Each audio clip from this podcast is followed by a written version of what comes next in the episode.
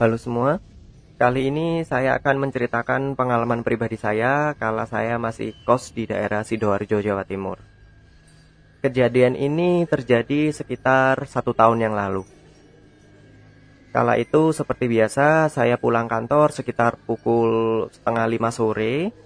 Lalu saya langsung pulang ke kos biasanya. Dari kos saya bersih-bersih, mandi. Setelah mandi saya langsung rehat sejenak di kamar Sebelumnya saya akan menceritakan gambaran kos terlebih dahulu Agar teman-teman bisa membayangkan bagaimana situasi kos saya pada saat itu Jadi, kos saya adalah sebuah rumah yang tergabung dengan si pemilik kos Jadi gabung jadi satu dengan pemilik kosnya namanya Bu X gitu ya. Kemudian saat memasuki pagar rumahnya sudah terdapat kurang lebih empat kamar. Jadi kos saya itu ada di bagian depan dan juga ada di bagian belakang. Bagian depan itu untuk teman-teman atau rekan-rekan yang masih bujangan, masih belum berkeluarga. Kalau di bagian belakang itu untuk khusus yang sudah punya keluarga karena di belakang ada fasilitas dapur sedangkan di depan tidak. Jadi yang di depan itu di kamar saya, daerah kamar saya itu langsung berhadapan dengan jalan, jalan raya. Jadi saat teman-teman bisa membayangkan masuk ke rumah kos, lalu kemudian ada empat kamar di depan. Kamar saya ada di barisan ketiga dari depan. Kala itu penghuni kos depan hanya saya dan Bang John namanya. Bang John itu kamarnya ada di pojok yang pertama. Jadi kamar pertama ada Bang John, kedua kosong, ketiga saya, keempat juga kosong. Samping kamar empat adalah kamar mandi. Kebetulan di kos saya adalah kamar mandi luar. Jadi tersedia kamar mandi di luar dan tidak tersedia kamar mandi di dalam kamar. Pukul 7, 7 malam, hujan mulai turun. Awalnya memang tidak deras, tapi lama kelamaan hujannya semakin deras dan disertai dengan angin yang kencang. Entah kenapa di daerah kos saya tersebut kalau misalkan hujan deras, hujan yang sedikit deras saja sudah terjadi mati lampu. Saya juga nggak tahu dari awal saya masuk di situ. Saya sempat tanya kepada ibu kos juga kenapa kok setiap hujan yang sedikit lebat itu selalu mati lampu. Dan mati lampunya itu tidak hanya di rumah kos atau tempat kos saya, tapi di kampung tersebut seluruhnya mati lampu. Entah penyebabnya apa.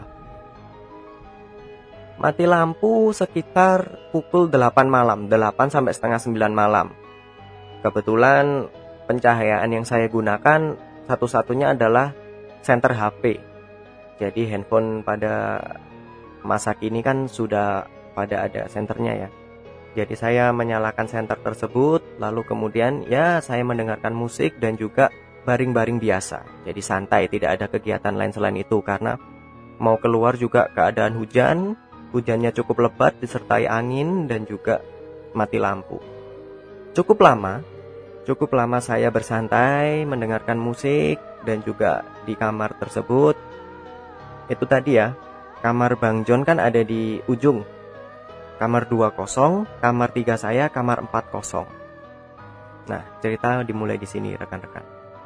Kala itu saya capek ya, bosan mendengarkan musik. Jadi saya memilih untuk melepas headset saya, kemudian mematikan musik, lalu kemudian ya tidak ngapa-ngapain, memang tidak ada tidak ada kegiatan yang bisa di explore pada waktu itu selain ya mungkin uh, chat balas chat WA dan lain sebagainya memasuki pukul sekitar pukul 9 malam, seingat saya sekitar pukul 9 malam kala itu saya mulai mendengar ada suara-suara yang aneh.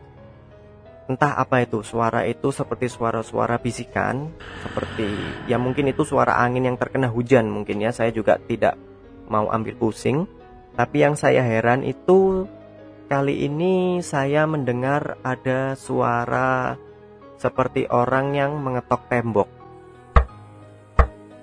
jadi saya mendengar orang yang mengetok tembok pas dari kamar sebelah saya.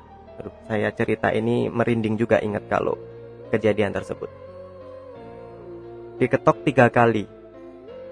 Kejadian yang pertama itu saya kira ya halusinasi saya saja, mungkin karena memang saat itu hujan dan juga keadaan lagi sunyi, tidak ada aktivitas yang lain karena juga lampu mati. Saya mengabaikan suara tersebut. Tidak berselang lama, kembali saya mendengar lagi ada orang yang mengetok tembok sebelah dari sebelah kanan kamar saya. Which is itu adalah kamar nomor 2 dan otomatis juga kamar nomor 2 itu kosong teman-teman. Saya mendengar tembok diketok itu 3 sampai 4 kali ketokan. Saya mulai curiga apakah ada orang apakah ada orang saat itu karena memang saya beranggapan kamar kosong dan satu lagi kamar yang kosong oleh ibu kos itu selalu dibuka tidak pernah ditutup jadi karena memang udara agar bisa masuk, kamar kos yang tidak ada penghuninya selalu dibuka. Kala itu saya tidak berpikiran macam-macam, saya langsung mengecek ke kamar nomor 2 tersebut. Karena saya takutnya ada orang asing atau siapa gitu yang masuk tanpa izin ibu kos.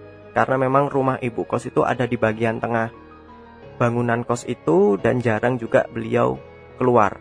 Tanpa pikir panjang, saya langsung membuka pintu kamar saya. Saya cek ke kamar samping. Sama seperti halnya kamar kosong pada umumnya, gelap dan juga saat itu saya menggunakan center handphone ya untuk memeriksa kamar tersebut. Saya saat itu tidak punya pikiran macam-macam atau aneh-aneh, tapi saat saya masuk ke kamar itu, saya mengecek di dalamnya tidak ada apa-apa dan tidak ada siapa-siapa. Dari situ saya mulai merinding dan saya mikir wah ini nggak beres. Bergegas saya kembali ke kamar, saya tutup pintunya, saya kunci. Yang biasanya kalau hujan itu jendela saya buka karena memang angin segar biar bisa masuk itu saya tutup. Kemudian handphone senternya saya terangin agar supaya tidak gelap gulita. Saya mulai sedikit panik di situ karena memang saya mengecek tidak ada siapa-siapa dan saya jelas sekali mendengar ada orang yang mengetuk tembok saya dari arah kamar nomor 2 tersebut. Saya mulai memutar musik lagi untuk mengalihkan suasana, tapi kali ini tidak pakai headset. Kali ini memang saya loudspeaker agar suasana tidak sepi. Tidak berselang lama, kira-kira 20 menit dari saya mengecek kamar nomor 2 tersebut, Kembali lagi saya mendengar suara orang mengetuk tembok saya. Kali ini ketukannya tiga kali. Dan itu berulang sampai dua kali. Jadi tiga kali ketukan pertama. Lalu lima menit kemudian ketukan kedua sejumlah tiga kali juga terulang. Kala itu saya sudah merinding, saya sudah panik. Kemudian saya tarik selimut saya, saya coba kalau dalam bahasa saya itu kerukupan. Jadi satu badan tidak ada yang tersisa masuk ke dalam selimut semua. Saya sudah mulai membaca doa-doa seperti itu. Kemudian entah kenapa saya waktu itu tertidur. Bangun sekitar pukul 1 dini hari. Masih tetap mati lampu. Tapi hujannya sudah sedikit reda saya teringat kejadian tadi, kemudian saya mulai ya buka-buka HP, cek-cek Instagram dan lain sebagainya.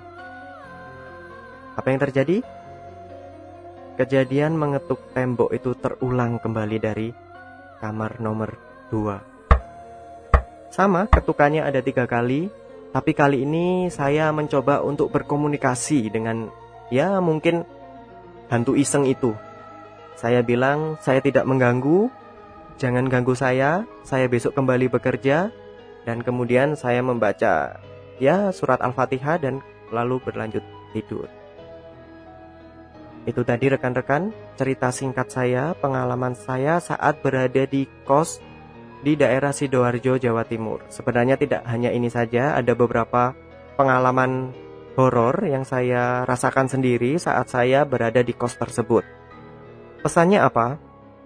Pesannya adalah selalu mawas diri kalau memang teman-teman lagi ngekos dan kamar-kamar di sebelahnya kosong, coba sesekali dibersihkan.